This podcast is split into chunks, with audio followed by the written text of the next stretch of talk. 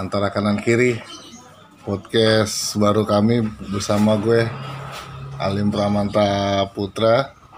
Dan gue Walid Ikhwandri berarti nah, di sini kita sebenarnya ngebahas tentang inilah istilahnya politik pendapat- warung kopi. Iya pendapat-pendapat umum orang-orang ini aja sih. Masyarakat biasa lah.